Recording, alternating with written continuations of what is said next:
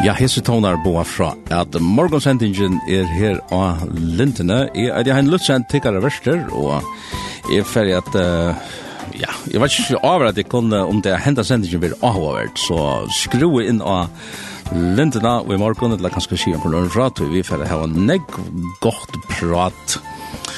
Vi får prata nemlig om uh, et tiltak som vi er ute i Arjun nå etter vikeskift. Og det er faktisk så løsner at ødelig sendingen kommer at snikva seg om det at at her er, ja, hvis jeg hittir rundt og utvarstående her i lintene, så er hun faktisk fulla falsk her i minnen fyra, fyra mann som kommer hava ahua verd, kan man sija, og gudskir og i minnar verd ahua verd innsløy. Eh, morgon sending til Mercer Eisen Tonleiker, til Mercer, ja, jeg holder til at vi fyrir lusta etter en sanje år vi for at prata vi fyrsta gjesten. Uh, han er føringer. Resten tar er og avgavist uh, ansmenn alltid og amerikaner. Så uh, lett å kunne byrja vi en leie her. Um, til å kunne være hette her som eitur MC Restor som fyrir å Ver to Chamers. Og til er Bridget Sigurdsson som synger vi i tøylan. Prolorsan.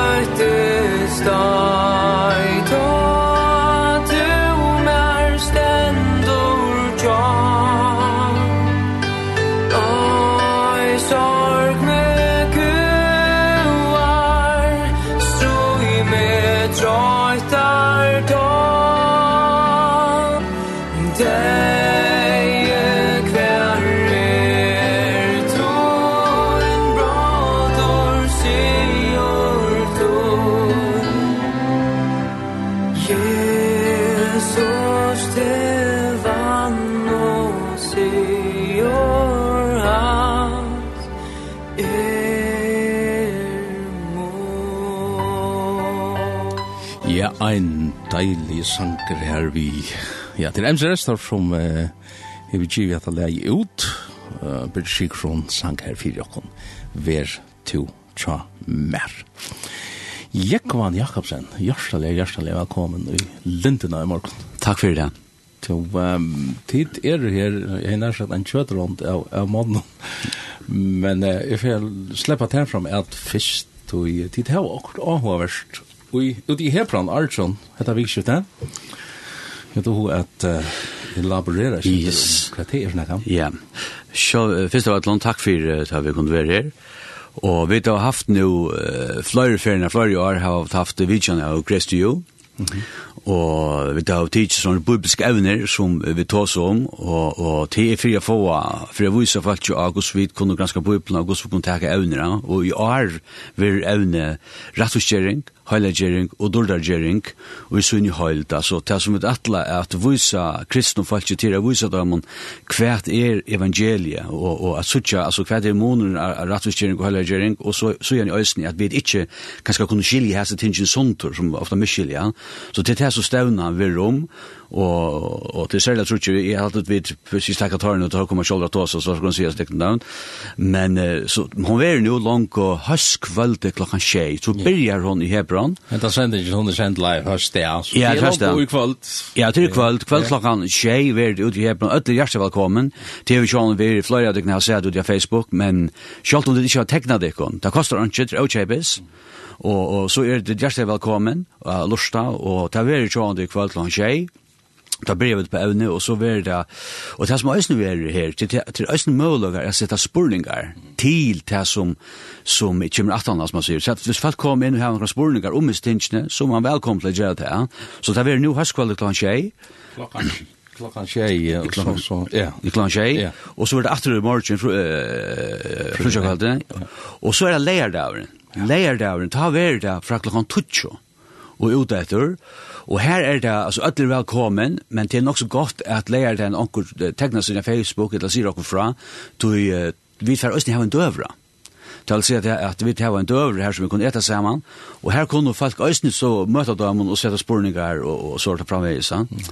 og, og på tammata. Vi halte at øyne leier kvalitet, eh kemra vi rätt att ungdomsmöte men men du körde kom på plats 100 men så tar vi det så äntligen har kommit till välkommen och jag lustar till även i er rättsutkering kollagen dordagen som jeg skiljer at det här så så er det där synter alltså troar lärande det er ikke, ikke evangelisering eller ikke under underhalt, men, men det er Guds år som, ja. som er vil utlagt. Yes, og et annet som er nok interessant i år, det at vi får Simon og Randi øyne, det er øyne sanker, altså vi kan synge, ja.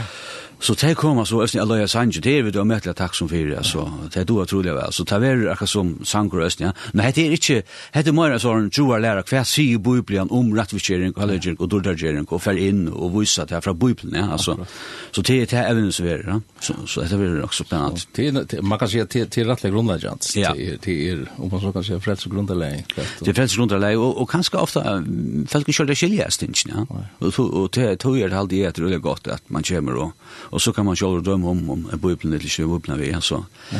Men jeg skal så si at det er ikke bare vi har, vi har haft tolk uh, hvert år, det har ikke år, men det har vært sånn at han møller, hvis onkel kommer og ikke dår engst, så, så kunne vi se tokken her ut i Hebron her, en sider, og så sider han bare omsetter med han hit til oss. Ja. Og til lukka som alltså det som du själv har så när du ängste det att vi får flow i och stå på tamatan man kan ha sån sån tolksystem resten som vi har haft det och att och till är jävla sträv alltså en så sidor och så hör i öronen och och på tamatan det vet vi det är inte det gör nej akkurat men det är Du har det här var så introduktionen det var lovs mannen fram att och tar det rättliga avvart alltså det här är är nu känner jag inte alla lugga väl men men Phil Johnson är är Oh, however, I think I'll switch over to English now, and and uh, we could take it from there. Phil Johnson is is here, and and uh, are you from the states or are are you from? I'm from the states. That's right. You're from, from the states, Los yeah. Los Angeles. Los Angeles, yeah. And the other guys are from England. Well, he's from England and he's from the states. He, you're from the states as well, yeah. Justin Peters, yes. Welcome yes. to Thank you. Welcome to um and I've I've actually seen you on on Facebook quite a lot because um, you have interesting uh, quite interesting uh, subjects that you that you have on on on YouTube talking about the I don't know if you only do that or especially you know um this faith movement and and uh, and all this that that area of of theology that you kind of tell them off. it it is uh that for which I'm most well known, but it's not it's not my only it's not my only interest and it's not my only uh, no. subject that I teach on. And then we have Ben Bradford. Hello. And, hello. And uh well, You're from England. I am from England. You're from England. That's right. Yeah. But I'm actually studying in LA at the the seminary which is attached to the church that Phil Johnson is a pastor at. Okay. So that was the introduction of you guys. I think um what what you have been uh, I don't know if you call it Calvinism or or what what would you define the the thing that you stand for? What's the popular word for it? biblical Christianity. Biblical Christianity, and and the, and the guys outside would call it Calvinism or. Well, there's a Calvinistic bent to it. I, I think when you say Calvinism, a lot of people think of Calvin as a Presbyterian, we'd be more Baptistic. Mm -hmm. But we believe like Calvin did that God is sovereign and that no matter what's happening in the world, he's still in charge. He hasn't lost control. Mm. So I'll, I'll think in that, um, I'll think we, we'll hear a song while we, while we are talking about that. In Christ Alone, let's hear this song with Keith and Kristen Getty.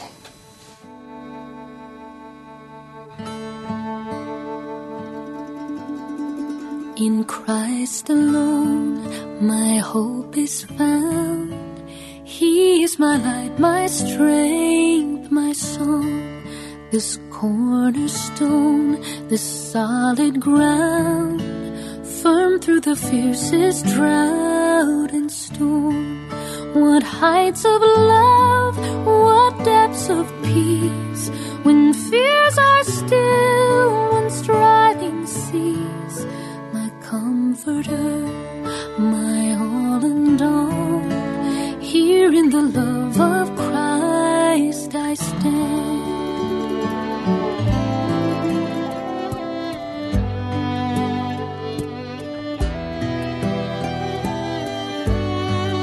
In Christ alone who took on flesh fullness of God in helpless babe this gift of love and righteousness score by the ones he came to save.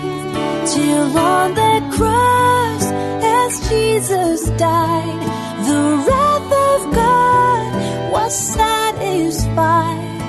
For every sin on him was laid. Here in the death of Christ I live.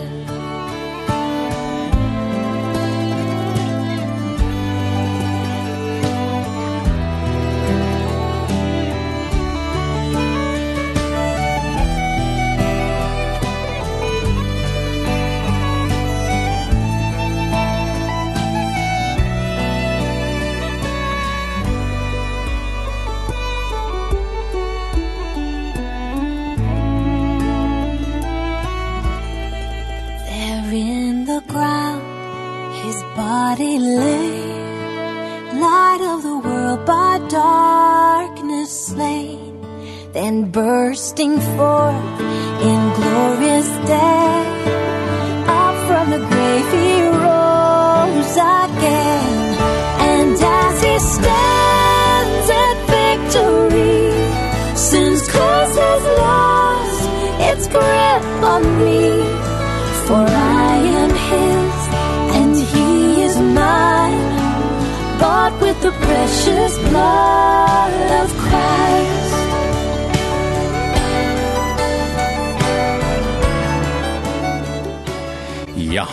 In Christ Alone. Etter det som sanger nær, Keith and Christy Getty synger her for Jakon, deilig sanger. Vi har en gestur her i utvarpstovene, og vi har introdusera Phil Johnson og Justin Peters og Ben Bradford. Og det som er alle jeg får gjøre, det er at uh, Spyrja, I'll switch over to English right now. Uh, you're going to have this conference out in Hebron. Hebron Uh, I'll, I think I'll start with Phil Johnson. You, uh, Phil, what are what what is you, you're actually starting out tonight? That's right. And and what is your subject matter? Talking about the role of good works in the Christian life. Because mm -hmm. scripture says repeatedly that good works don't save us. Mm -hmm. So where do they fit in? That's the question I'm going to answer. And I'm going to do it from Romans chapter 6 where Paul, after he spent several chapters talking about justification by faith, then he asks the question at the beginning of Romans 6, what shall we say then? Shall we continue in sin that grace may abound? And he answers that question, and I'm going to talk through his answer. Mm. Romans 6. So so it's it's actually the the the basics of salvation. You Yes it is, basically. Yeah. Yeah. Yeah. And and uh So that's tonight at at at at 7 o'clock. So so we we can And and then if you take tomorrow, Friday the 2nd, then and just translate yeah. a little bit. Jag ska lägga om så det låter yeah. halvt att yeah. som Phil Johnson som tar om, han kommer att ta um om om, om rattförstjäring, om frälsarna. Og det som han kommer til um om frelsene til er at vi er og av nøye, og han setter sporen særlig han ut fra Rombrand kapittel 6. Hva skulle du si? Han skulle talte fram i sintene, så han fer at oss tannvinkelen av, av, av, av, av, av, av, av, av, av, av, Så er det sjående fridagen vi kunne takke. I think we'll take Friday. Justin Peters uh, is to have the Friday night if you take it just like this. Uh, so so what what are you going to talk about? Sure. So I I have two presentations, but I, the one that I'm going to do on Friday is basically dealing with the sufficiency of scripture over and opposed to basing our theology just on what we experience. In other words that that experiences are not always a reliable barometer of where we are spiritually just because you have experienced some things just because say just because you speak in tongues just because you've been slain in the spirit just because you um claimed the, to have been to heaven or something like this, like some people do. You know, they I've been to heaven. I, I would I actually say it's quite a, a big trend in, in in the world today, isn't it? Huge, huge, huge. So many people want to base their theology off of their experiences, and well, I um, I must be a Christian. This must be real because this is what I've experienced, and yet. Scripture teaches us that uh, experiences are not reliable Uh, the only thing that is reliable is the Word of God. And uh, so I'm going to emphasize the sufficiency of Scripture that we basically it comes down to this that we don't interpret the Bible by what we experience. We must interpret our experiences by the Bible. Mm. And um, so that, that will be my first presentation. Interesting. Jag tror slett. Jag ja. Justin Peter, han kommer att oss, han är ju tvär, eh, tvär, tvär, tvär, tvär fyra. Och den ene fyra läsaren, han är så, så han kommer att oss om, om uh, om at Bibelen er nok, altså, uh, at vi trykker øynene stå på Bibelen, og vi kunne bare bytje på Bibelen, og så er han for han øyne inn av vise av at uh, vi er ikke alltid, han er ikke møte kjensler, men vi kunne ikke alltid lyde av okkara kjensler, han sier til dømes, å ja, vi ser tos i tungen, eller hvis jeg vi opplever okkara andre lytte, akkur som utifra på tammatan, så kan jeg ikke bytje til å på mine egne kjensler, men, men vi må alltid bytje okkara lærer, eller okkara godom, av Bibelen selv, hva sier Bibelen, etter han tannveien som han vil vise at, at, at vi vil gjøre. Ja. Oh, Robert, yeah. Interesting. And then uh, we could take Saturday. That was Friday that you're going to have that. That's seven o'clock Friday, Friday night. And then Saturday, it's it's a quite a long day in this in this schedule. Um, Phil Johnson, you're going to start at 10 o'clock. That's right. Uh, and what's that subject? Um, kind of a continuation of of what I did earlier, uh, just continuing to talk about the importance of good works in the mm. Christian's life and how that fits in. What is it that energizes our good works? How does the process of sanctification work? Mm -hmm. And what does it mean when Scripture says, mortify your sin, put your sin to death?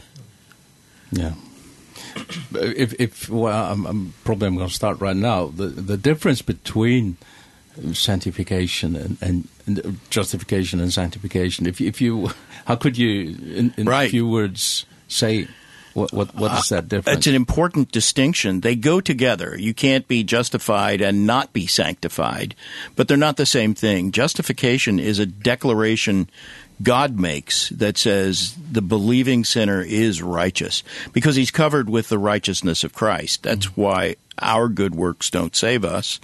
It's Christ's good works that do. But then sanctification is the process of conforming us to the likeness of Christ. So it's a process. Justification occurs in a moment, the moment you first believe and you have a right standing with God. Sanctification extends over a lifetime. Okay. Det som man sier her, det, det som man så ikke mest å om, det er at, at rattusgjering og heilagjering lujtjas rattlan ek. Det er ikke akkurat lujka, det er kvørsut, men det, vi må alls ikke skilja det sundur, alls ikke. Til dømes rattusgjeringen er jo det som hender i øynene nu, at vi får rattvis i Kristus her, altså han teker sintna bort og vi blir fullkomliga rattvis i Kristus her. Men heilagjeringen, hon er, man sier ikke her og nå, men det er møyra en, en stivvis prosess her som vi kommer lujtjast herran og Jesus er møyr og meir og på tammatan, og, og, og tog er det vi må ikke skilje seg sånt, vi må ikke, vi må ikke at det er akkurat det samme, men vi må alls helst ikke skilje det sånt, det er det som man kommer til Interesting.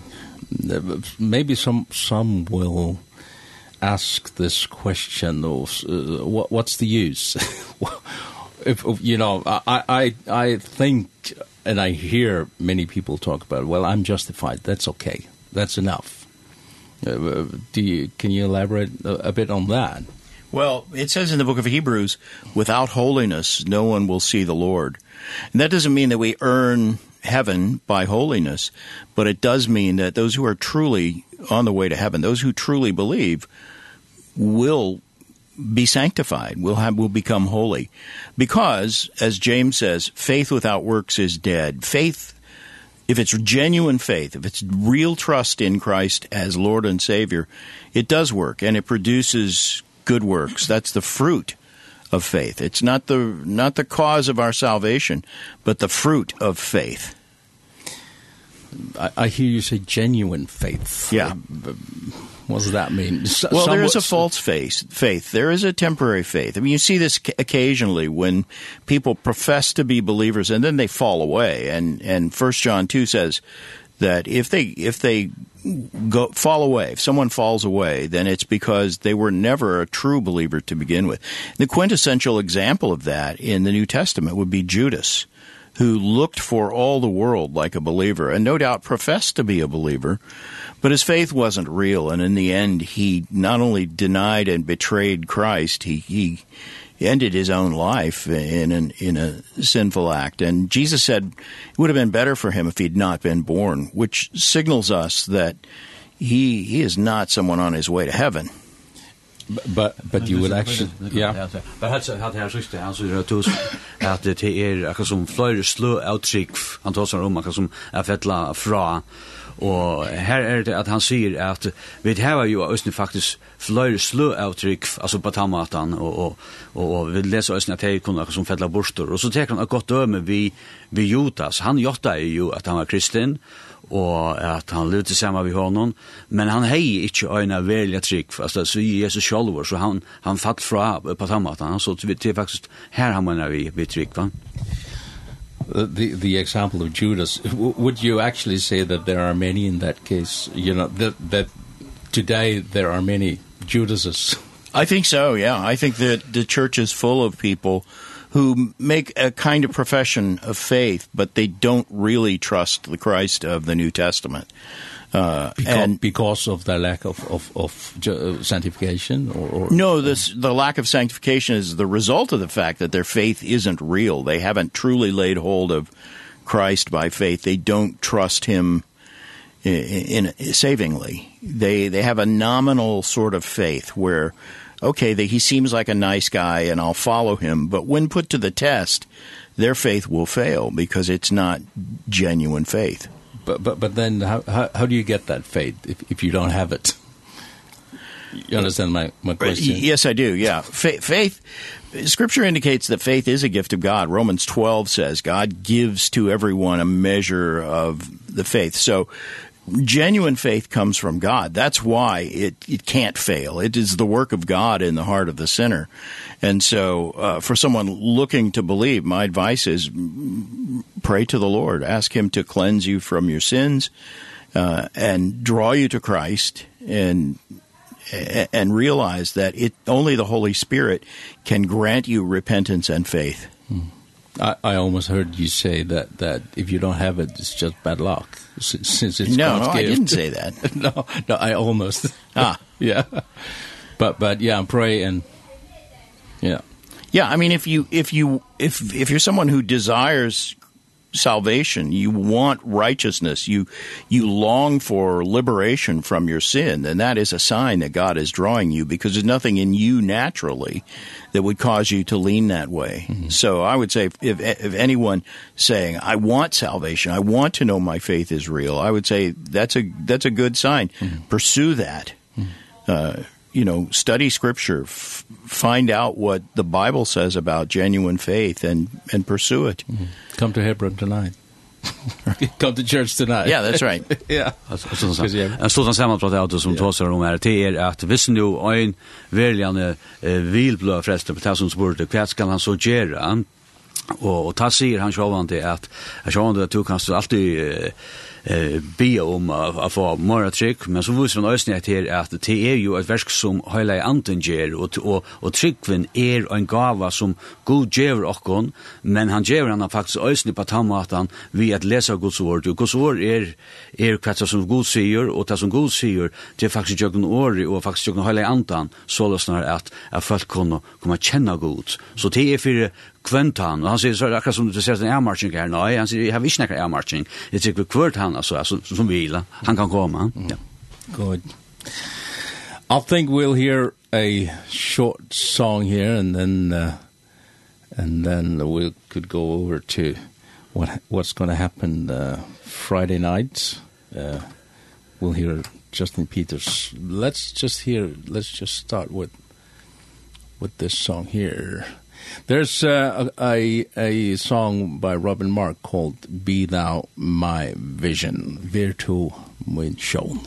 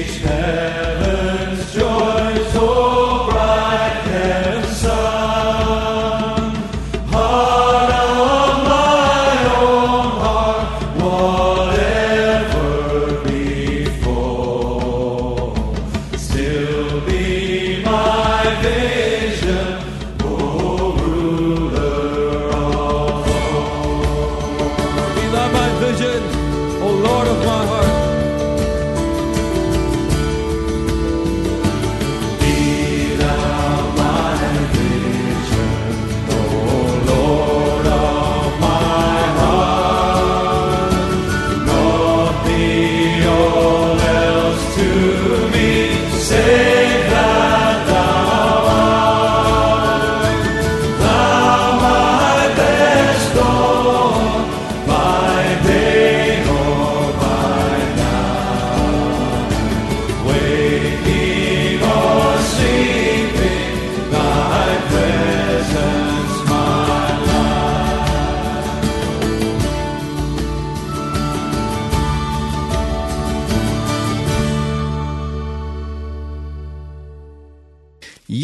hatt av Mark, Robin Mark, eitir han, Be Thou My Vision, og det som tilort etter til er morgonsendingen her, og linten i eit han Lutzen, tikkare verster, og vi hava fotla stov av Justin. Omfram Jekvan Jakobsen, så har vi Phil Johnson, og Justin Peters og Ben Bradford.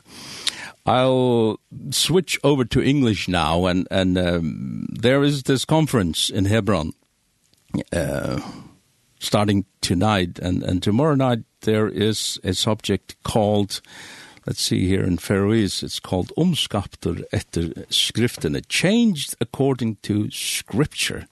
Justin Peters you are the one that are going to have a talk on that or? Yes uh yeah I'll, I'll be talking about how did you say a change according to scripture? Uh, Ums how would you translate umskapter?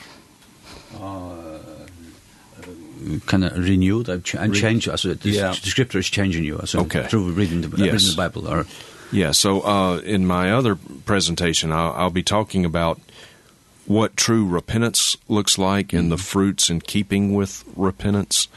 Uh we hear so often that repentance is just changing your mind, metanoia, the Greek word to change your mind, but I want to flesh that out and and show from scripture that repentance is a lot more than just intellectual assent to some basic gospel facts that it bears real tangible fruit. And my primary text will be 2 Corinthians chapter 7 and uh where Paul talks about the difference between a worldly sorrow and a godly sorrow over sin, and he gives really an exposition of what repentance looks like. And um, so I'll, I'll walk through that and and um, uh, and talk about how that that is the Spirit's work in our life. He gives us a godly sorrow over sin. We grieve over our sin, and uh, because we understand that our sin grieves God, and we go to war with our sin. Uh, there's uh, our affections are changed our desires are changed. So real repentance bears real fruit. It's not just it, it's the full meaning of a term in theology is not always determined fully by the dictionary or the lexicon. We look and see how it is used in scripture in its proper context. And so metanoia repentance means a lot more than just changing your mind intellectually. Ja, det som han sier, vet du med, han fra tås og synder om for at uh, omvending er, og øyelig ofte at vi tås om omvending, så er det flere som sier metanoia, merke bæra, er at skifta mening, altså det er bare nekka vi sinne jeg gjør Men han fyrir inn og viser også at, at, det er ikke så løsner, det er verlig en brøyting som god skaper ui menneskene, Sjónan og Jørgen Ori og jøgn Halle Antan og han forskjeljer han hitje etter uh, 17. Korint kapittel 6 her som Paulus tåsar om det den naturlige sorgen og så er det god sorgen som de kunne lesa uh, i to kapittelen så han får avvise av hvordan uh, hvordan det er i akkurat løyvet så tatt om drikvann så det er det som han kommer til å om, særlig han and and that repentance of course there there's in other words there's a wrong kind of of repentance and then there's a true kind of of repentance. Correct. Uh, how, how, where does grace come in? If you if you want to define grace in in in that matter or manner.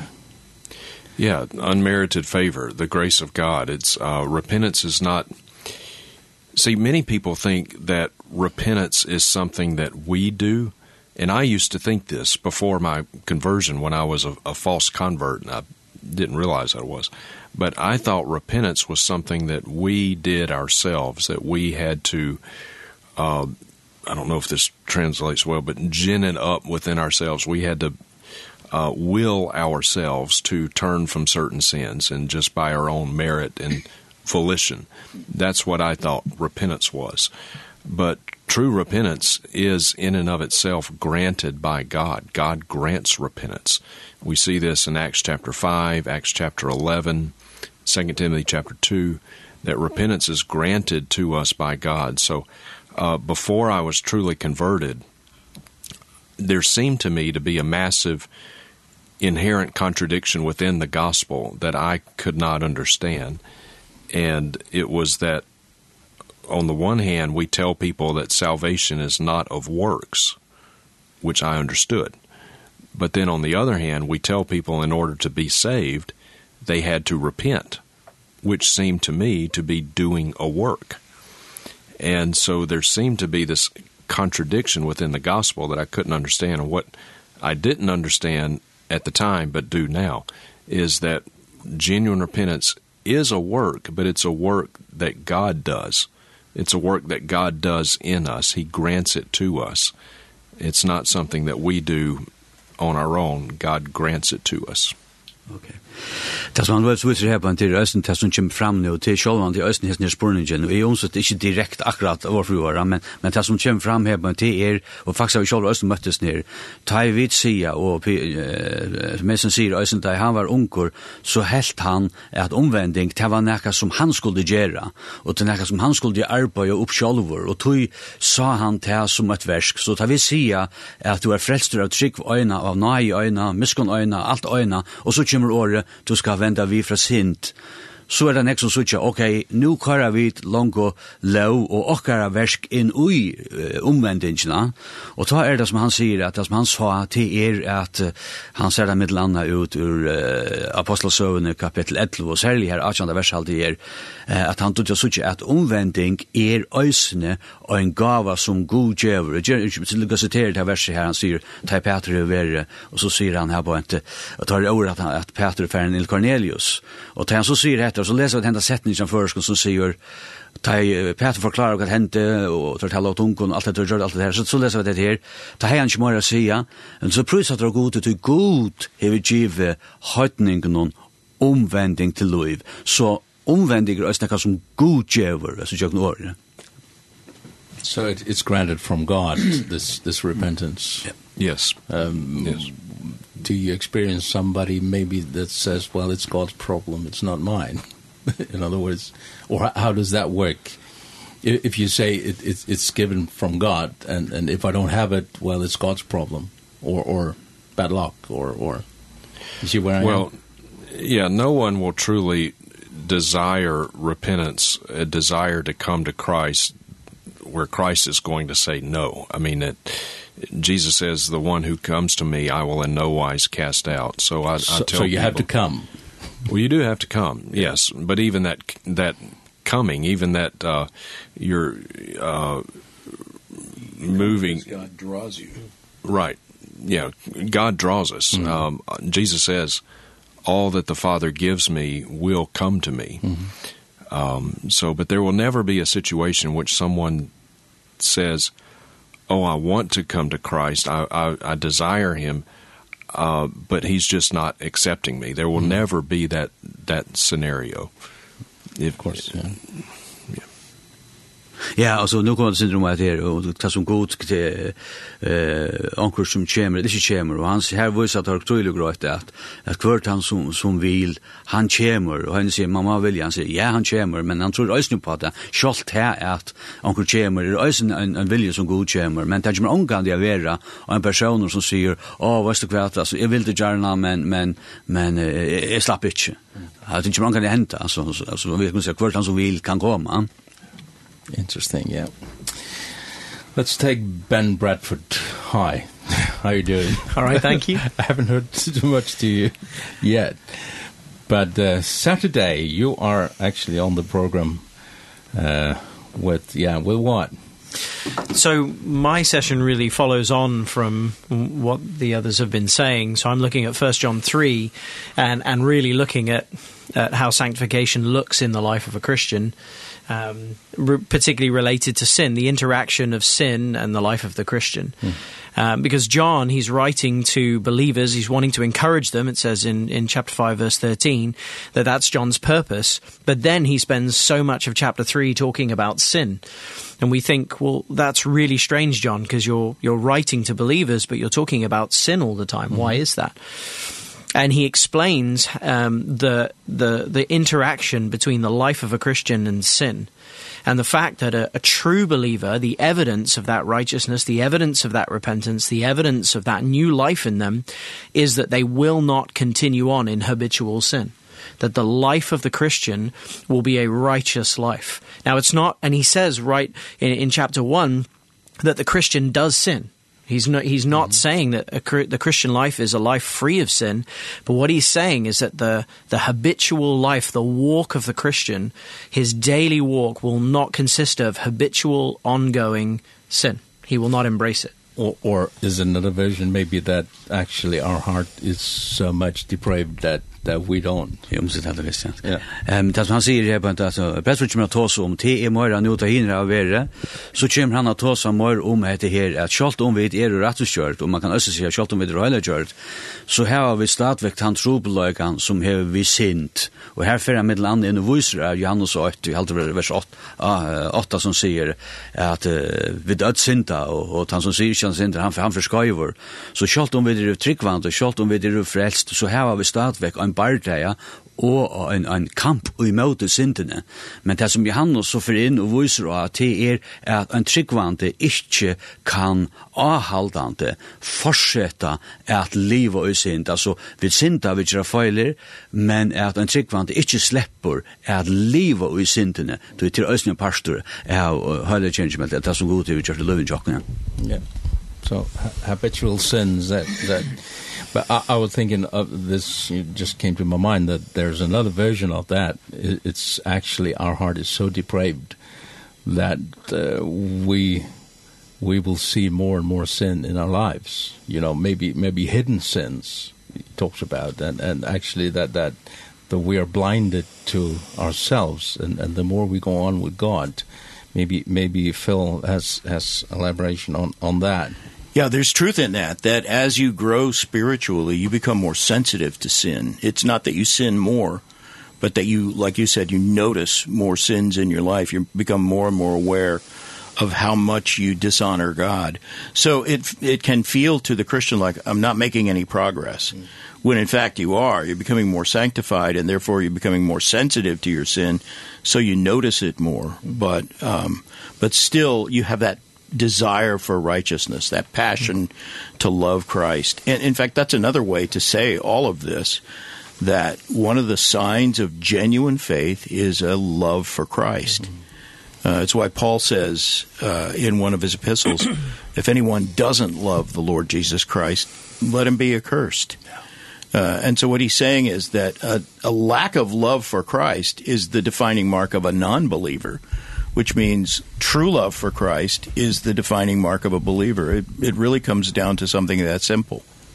Ja, tas man så tar om her på en tid er, i processen som är växa så så er det så snar, jo møyra vi kommer kjenne god, jo møyra vi kommer oppleve han, jo møyra blir vi åpen, vi, vi, vi kommer sutja møyr, okkar egna uh, hold, og okkar egna synd som vi kommer strujas vi. Men det er mest ikke som Phil Johnson sier, at vi får synda møyr, men møyra vi veksa ui Kristus, jo møyra kommer vi til sutja, at vi har en, en bardeia ui okkar løyve, og, og, og, og, og ta er det òsni at, at man kan si at, at vi, vi, vi, vi legger mest til det, og han sier at her er det også god som kommer inn og hjelper oss, altså i tjøkken året, tog han sier at, eh, jeg halte til Korinth, han sier at her, jeg siterer at her, at, at han som ikke elskar herre, han vil banna over, altså på tammatana, så til alla toina at han langslen som god, langtlagt, og han kommer av ui oss, men det er han bare det, men vi får ikke synda mer, men, men på tammatana, det er det som han sier her.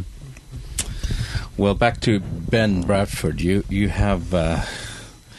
Well, here in Faroese it says that 12 o'clock Saturday you have um, a subject called true change true how, how would you how would you say that? Runter umbrøtt jok non runter stand her yeah uh, changed by our uh, not trials but uh, I know that fast rest through difficulties or mm. in life. Yeah so what's that? What is that all about? What's that all about? Yeah, well, I think it's I mean that's the same session um that we were just referencing, but it it's talking about the the outworking uh in our lives. Mm -hmm.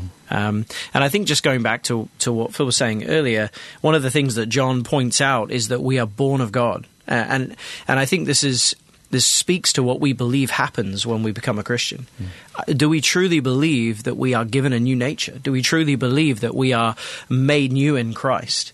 And I think so much certainly what we see in England is that um people say they become a Christian or they say a prayer and and and they have no concept of of actually what really has happened. And I think when we understand that we are given a new nature, we are made new in Christ, that is where this this ability and Romans 6 talks about it that we are no longer slaves to sin.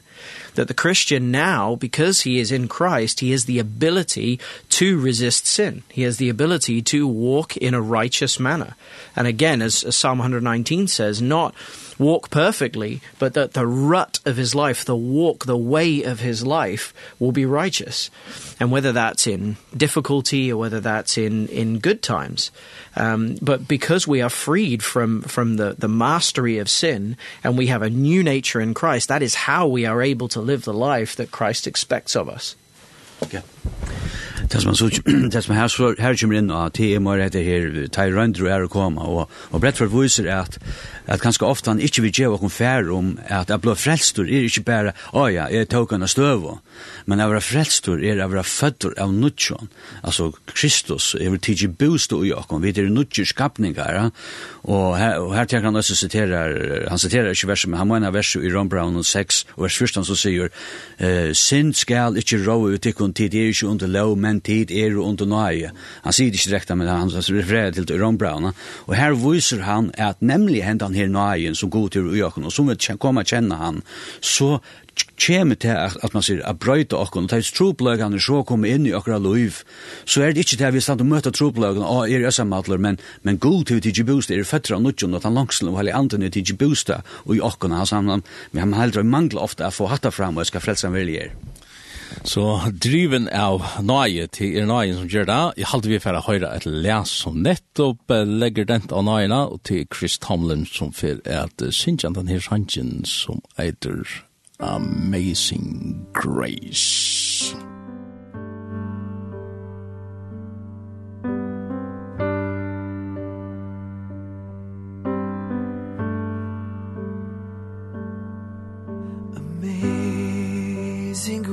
voice how sweet the sound that saved a wretch like me. I once was lost but now I'm found. Was blind but now I see. Twas grace that taught my heart to fear and grace. My fears relieved.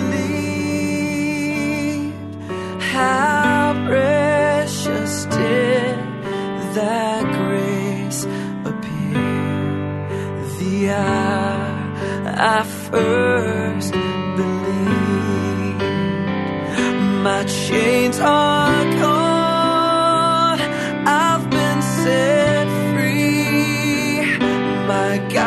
Savior has ransomed me.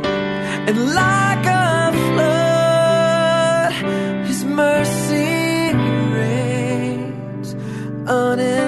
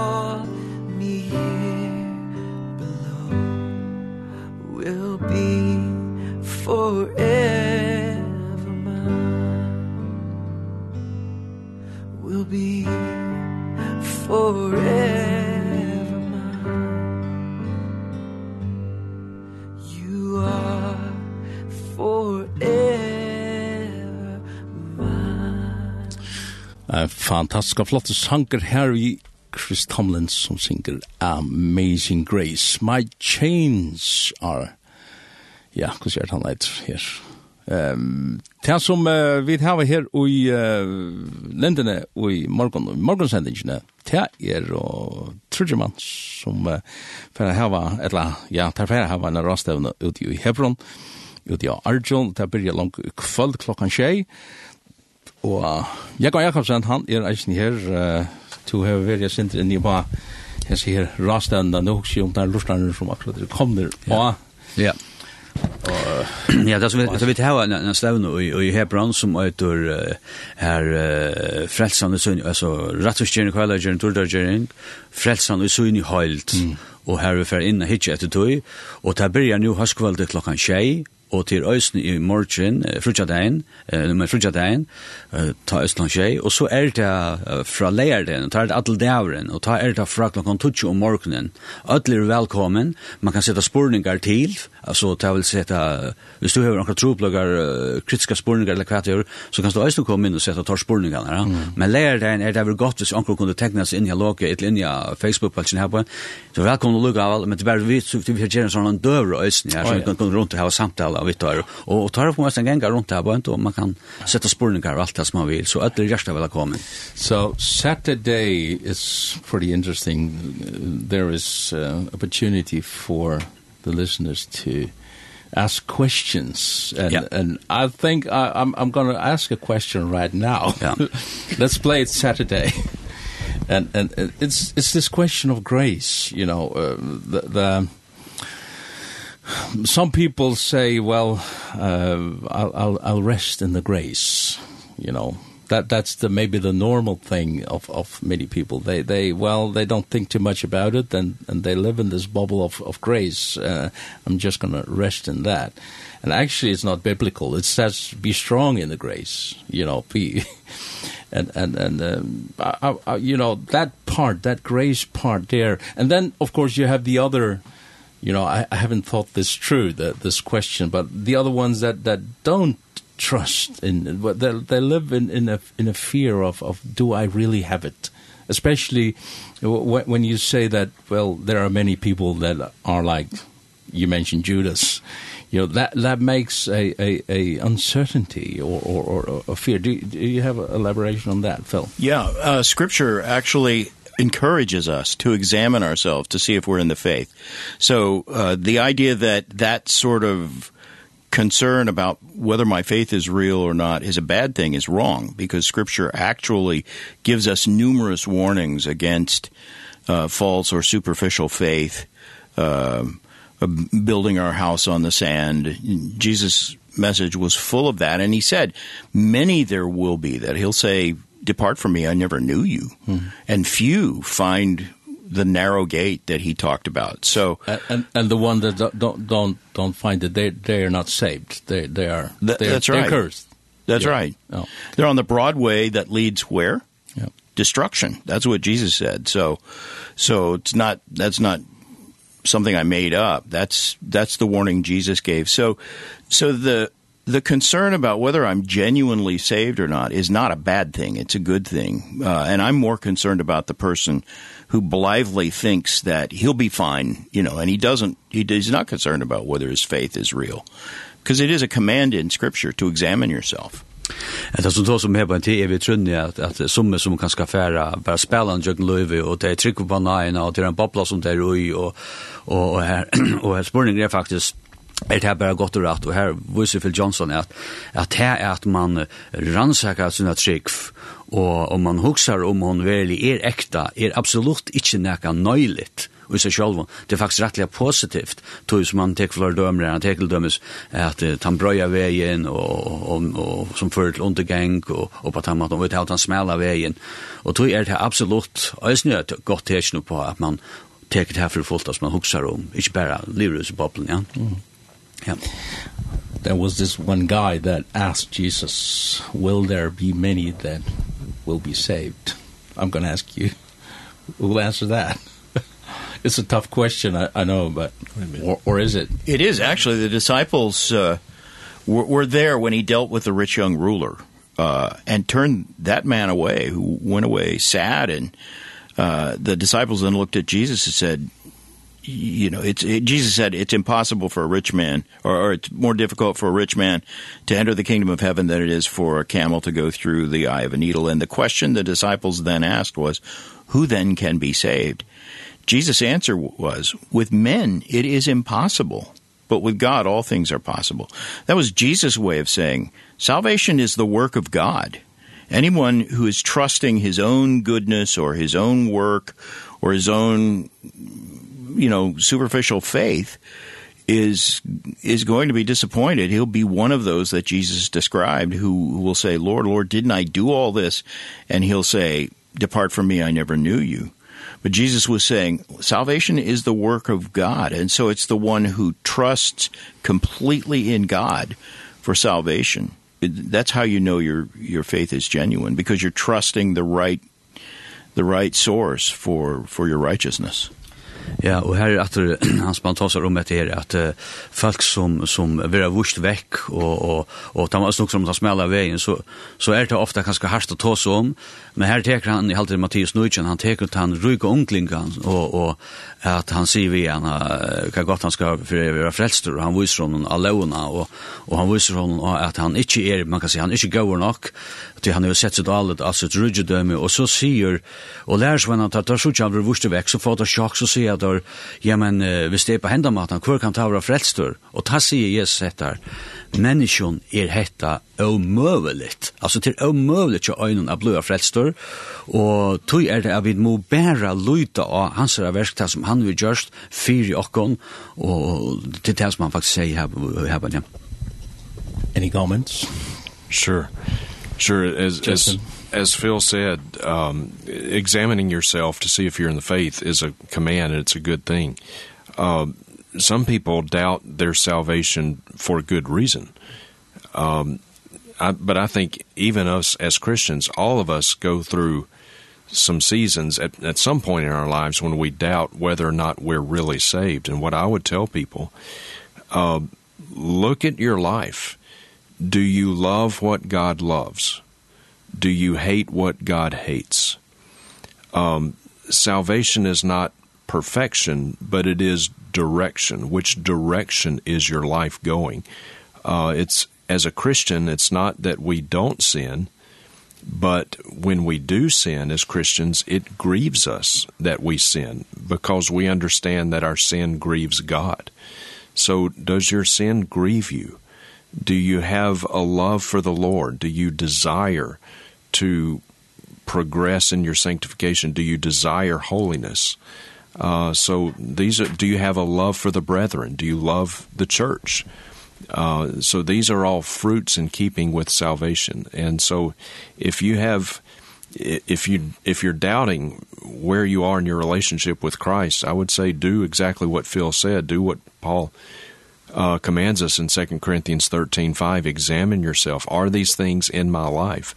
And if they're not, then then yeah, you should you should get real honest before the Lord. But if you desire these things, cry out to him. Be like the tax collector in Luke chapter 18, Lord, be merciful to me, a sinner.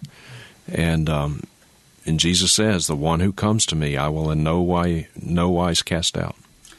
Ja, det man talar om här på en tid är nämligen att det er som som som Justin Peter sier är at det här her att kanskje i akkurat löve Tjeb da kaska tjadum med flestu at vit vi kvørst færre at ivast er i er velja frelstur. Og til at ivast om er vel er frelstur er usa sjolvon ikkje attention på at du ikkje er frelstur.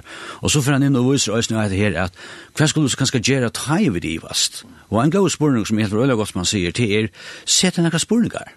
Og en spurning er elski er det som god elskar, hæti er det som god hætar, Alltså du kan sätta det själva och spyrja kvar kvar tog tog långslera tog tog som man ösen säger att att att till till på andra mat man kan föra in alltså ta visar ösen att god viskar ut under löv ja i har ja I would, yeah. I would just add as well, you know, one of the things that Justin's already mentioned is the danger of basing our Christian walk on our feelings. Um, and so often when people lack assurance, it, it, it's, it's, it's based around feelings. Uh, I feel this way. I feel like I'm, I'm not saved or I feel like I'm this or they've, they haven't had some kind of experience that they're looking for. And if we take the example of Peter, when he speaks about the transfiguration, you know he he he he uses it as an example and he says look i experienced the transfer this amazing thing this amazing thing that happened but then what does he say immediately afterwards He says that the Bible is more sure, mm. that the scripture is more sure. And I think this is the danger today of of people who are struggling with this assurance and they immediately go to how they feel about things rather than going to God's word. And if we look at the book of James or we look at the book of first John, those books give us really practical examples of what a Christian looks like. So for the person who's lacking assurance, they can go to the text of scripture instead of sitting there and thinking, I feel this way, I feel this way, I've experienced this or I haven't experienced this. They can go to these physical books that we have and say, is this my Christian experience? Am I living this way? This is what a Christian looks like. Does my life look that way? Galatians 5 and looking at the fruits of the Spirit. Do I see these things in my life daily? And those are tangible things that we can go to in God's Word, which point us to, the, to what the life of a Christian looks like. So I would say if someone's listening and they're struggling with assurance, don't sit there thinking about how you feel. Go to the text of Scripture and spend time in God's Word and say and ask some of these evaluative questions that we've been asked.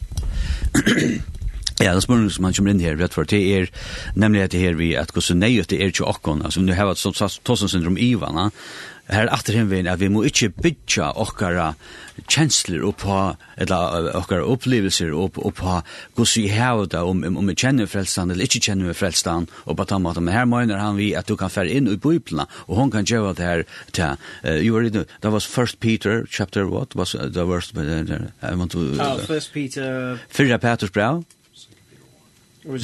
kapitel 8 här bara. Ja, I just want to. Och så för in här för det kapitel 8 så sørst du att att at han tåsar om om her til dem så Petrus tåsar om det som vi läser i Matteus 16 att Jesus ombröttes. Han ombröttes og han skal inn. och han tåsar om hette upplevelse. Vi så tar bara ta myndna som man møgner, så vill jag säga folk wow, hade det fantastisk, hade er underfullt.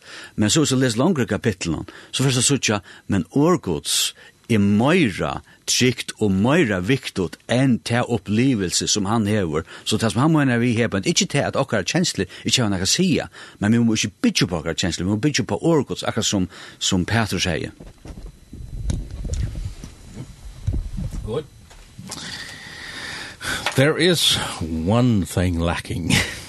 and that's the uh, glorification in, in, in the series of justification and uh, and uh, what's the second? Sanctification. Sanctification. I'm thinking in faroese that's why. And uh, then there's this glorification. Uh, ben, do you have any sorry Phil, do you have any any elaboration on that? Yes, glorification is the completion of sanctification and it happens instantaneously uh, the first epistle of John says, when we see him, when we see Christ, we'll be like him. Uh, so that is when he returns or when you die, whenever, whenever you come into the presence of Christ, you are instantly conformed to his image in a perfect way. Right now, in the process of sanctification, that conforming to his image is taking place gradually. In 2 Corinthians 3, Paul describes it as uh, moving from glory to glory, from one level of glory to another. And he compares uh, the Old Testament account of Moses, who saw, you know, the backside of God, and the reflection of that glory made his face shine. And uh, Paul is saying in under the New Testament, we actually have a better situation because we can look into the face of God uh, of Christ not his back but look into his face which we see metaphorically in Scripture, and that transforms us rather than a reflected glow. The glow of divine glory actually begins to come from within us. And then in the end we are conformed to the image of Christ and we share in his his glory eternally. I have to ask, ask you first, uh, will the level of, of holiness or sanctification here be... be... Ja, det er sånn som tar seg om, han tar seg om Og her viser han til dem til andre øyne at dårdargjeringen, akkurat som vi tar seg om at rattvisgjeringen hender her og nå, men så er dårdargjeringen akkurat som hender i øyne og nå, så han tar Jesus kommer atter, og ta kommer vi til at lydja stående, vi kommer, og han teker oss her, første hans og brekka kapitel vi kommer sutja han som han er, og vi kommer velja brøytas, altså vi kommer lydja her enn Jesus, og her er alt fullkomme, og her er alt det som, som manglar, man kan sija, og i det her er just og i Kristus hjelpende. Kristus I have one question in, in that. I don't know who's going to answer that, but but uh, will the the level of sanctification be seen in level of of glory since since it's from glory to glory? You mean in eternity? In eternity. I'm going to let I'm going to let Justin answer that. Well, there um I, I think the Bible does indicate that um our there will be levels of of reward in heaven based upon how faithful we have been with what Christ has entrusted to us. Uh there will not be any disappointment in heaven. I'm not, you know, in, anyone who is in heaven is not going to be jealous or disappointed of someone else. That's that's off the table. But um yeah, how faithful we have been with what Christ has entrusted to us, the time that we've been given.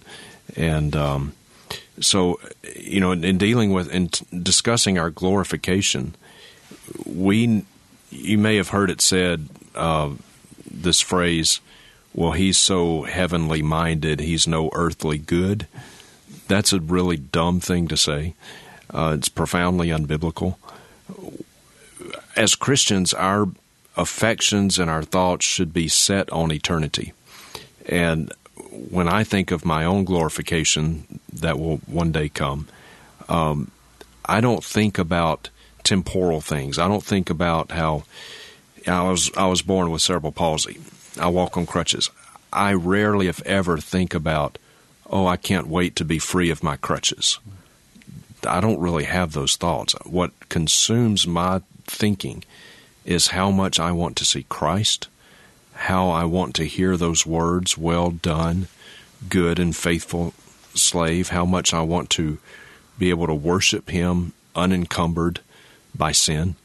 And so that's what as Christians should capture our thoughts, our affections, our desires, and then the Lord will take care of everything else.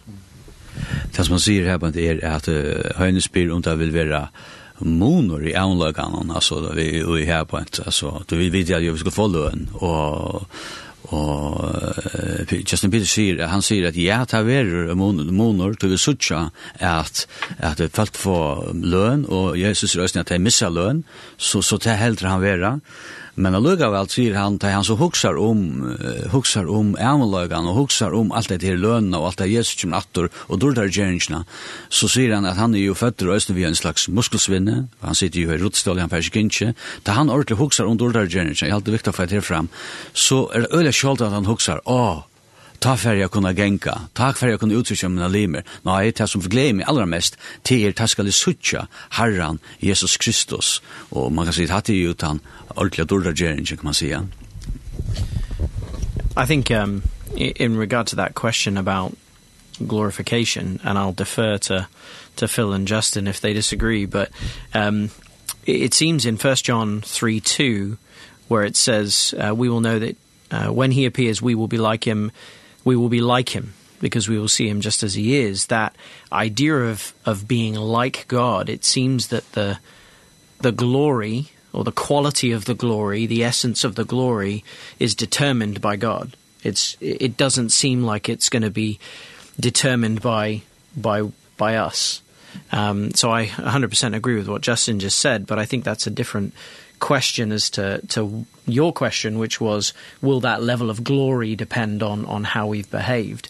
Um it seems like the glory that we that we are reflecting is the glory of God. Um so i i wonder if it's less of a I wonder if it's less of something that's going to be determined by us as opposed to be determined by God. Because how can anything that we do modify the glory of God, which we'll be reflecting. Would you agree? Yeah, in fact, Scripture says that we'll shine like the stars. Now, mm. there are different stars of different brightness, but I, I think I think it's a moot point because the point is that we will we will shine with the glory of God, mm. and uh, the glory of God is the light of heaven. Uh, I, I don't know that you're going to notice that you know I'm as dim as I as I I expect to be, you know. Um, but yeah, it's, it's those are questions that actually go beyond I think you're trying to explore an issue that scripture doesn't really give us all that much information on. We will all be made like Christ. That's pretty clear from 1 John 3, 2. And uh, for me, that's sufficient. Uh, can I just, before I can I just ask, but you meant really is in glorification we are not going to see a difference. I mean we are all going to be the same. Have a look okay then är stund så där men för det är så säkert på skilt det rätt man see han han för ändå tar så här att du så han så kapitel 3 ja ben. Ben ben ser och han säger att ta han uppenbara så skulle vi honom luk du skulle så han som han är helt viktigt om sitta så och ta vill han gärna visa att att självan det tog att att vi att dörter geringen eller dörten är hur god är och hur Kristus är till att vi kommer kommer att reflektera. Vi kommer att lycka sån, vi kommer att reflektera han. Så tar vi tås om att jeg får løn og i himmelen, så mener jeg at jeg ikke til jeg som kommer å sitte øvelsen i ut, kommer å sitte mer, mer, så snar, man kan si at dårlig der, for kommer å sitte en større mot og på tannmaten. Det tror han ikke på. Og, men så lukkavel, ligger det i untøden, og her er noe som ikke skiljer, men lukkavel er det akkurat som løn, ikke løn, men det øler ikke akkurat at du definerer hva det er, du er det ute i avfullkomlaget som det her er, ja.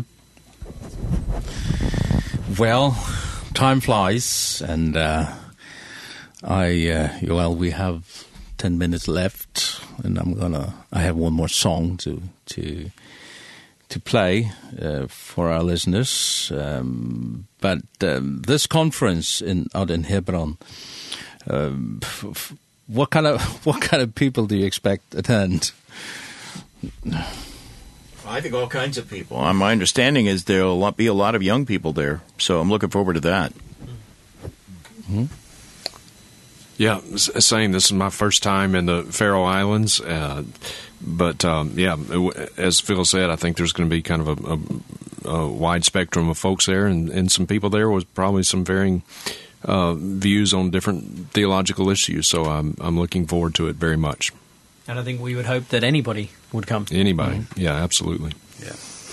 Ja, då hoppas jag att att det tar vi en nyckel i och hoppas att det är fler i som kommer och blir bjöd till knøtlen, och och jag kan så spesielt at jeg och ankor säger att at jeg er nego, at jeg er nego, flere ung folk och det är rätt positivt at ungfolk vil jo også med disse tingene här så, så tid är öll jag ska väl komma och dra vågna att det kommer, oss nu och kunna ha spurningar.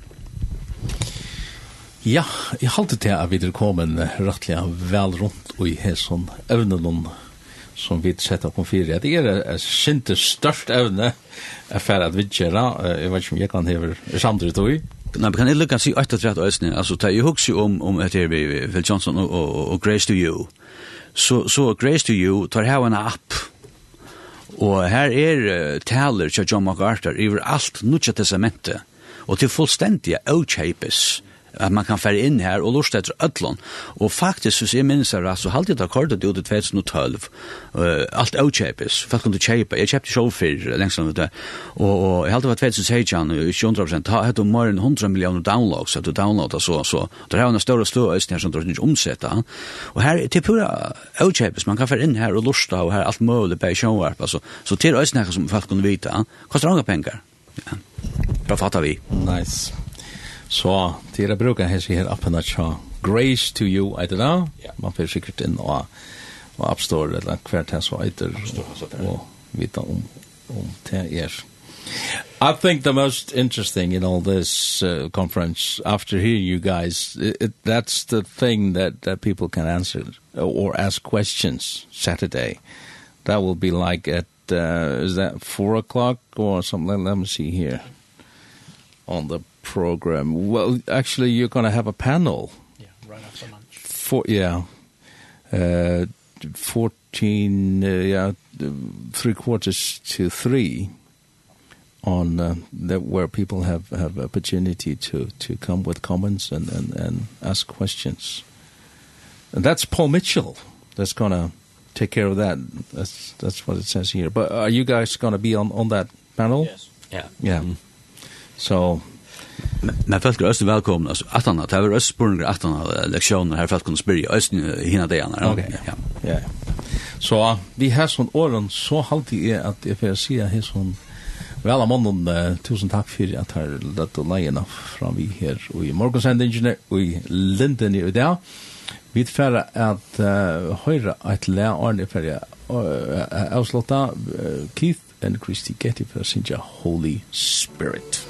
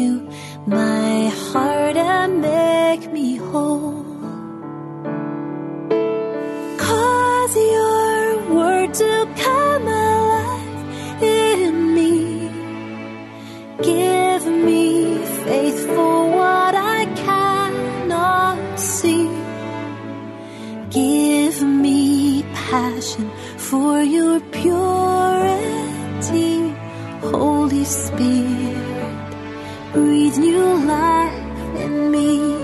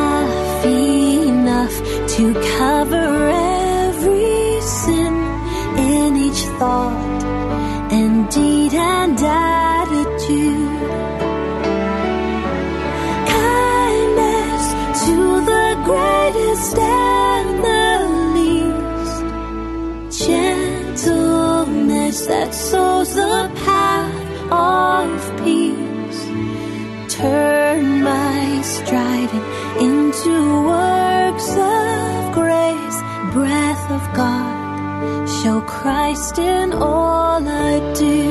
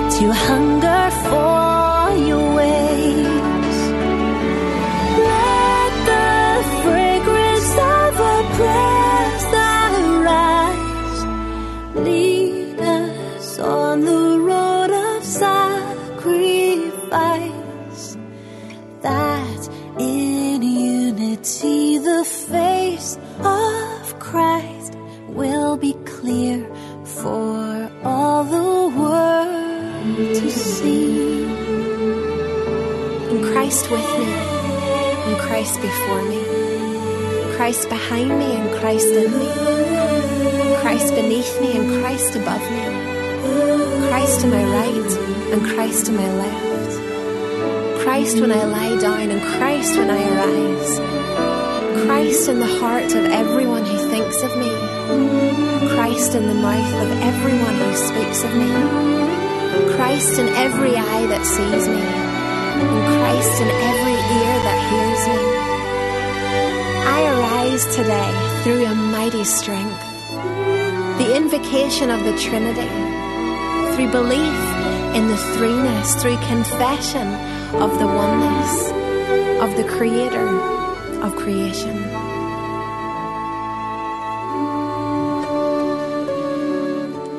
Ja, det som vi hører her er Kit og Kristin Getty som synger og reciterer hentan her sangen som heter Holy Spirit. Vi da har haft avhørt prat her vi uh, Trimon Monon, Phil Johnson og Justin Peters og Ben Bradford som færre hava en rastevne ute i Hebron hettar vikskifte og som der sier sjolver så er det atli hjertelig velkommen til det. Til klokkan tjei i kvöld og klokkan tjei i anna kvöld og så leier det han er langer fra klokkan tutsch og så færre at at byrja her, og så er onker stekker klokkan hokkon 12, og klokkan 12 byrja der atter, heter altså lærdagen, og så er en døra stekker klokkan 13.30, og så pallebors åraskifte klokkan 14.45, og så atter en lille stekker, og er enten er klokkan 16.15, her derfor at hos om omskatter til hit avia. Ja, Eh, rattliga negv, henne har sagt teologi, vil jeg onkur sagt, og biblia og læra og på imsa matar, men eh, er stå avhåret og tog, så er det sånn det bare møte opp ute i Hebron, ute i Arjun. Henta sendingen blir annars eh, endersendt eh, i kvall klokkan tjei og i natt klokkan fyra her av Lindene, annars kan du færre ut av nettet at uh, lorsta, ta i, ta i, ta i, lagt ut til det. Og vi har sånn åren for i hendelsen at sier tusen takk for at tid vil du lortet.